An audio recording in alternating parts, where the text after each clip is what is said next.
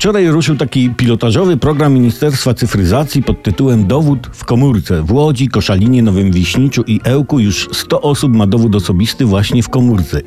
I nie chodzi tu o to, że mają trzymać dokumenty tożsamości w komórce na podwórku, razem z węglem, drewnem, starym rowerem, szmatami i ukrytą pieczołowicie pod gnijącymi ziemniakami butelką wódki na wypadek, że ona pośle po, do komórki. Nie, nie, nie, to nie tak. Chyba oszaleliście tak myśląc. Ludzie, spokójcie się. Rozmawiamy tutaj o usłudze M-dokumenty, dzięki której można będzie uzyskać dostęp do do dokumentów właśnie.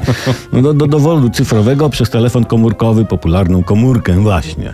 O, y, to o to tu chodzi. Posiadacz dowodu w komórce nie będzie musiał nosić przy sobie plastikowego dowodu, żeby się wylegitymować przed, przed różnymi organami. Wystarczy, że ma telefon z dostępem do internetu. A właśnie.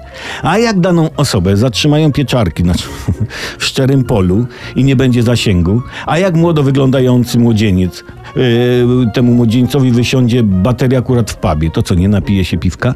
To nie ma tak hop z tymi, z tymi dowodami w komórce. Tym bardziej, że minister Strużyńska kłamała przedstawiając pilotaż. Powiedziała, że w Polsce jest 18 milionów smartfonów. Otóż nie!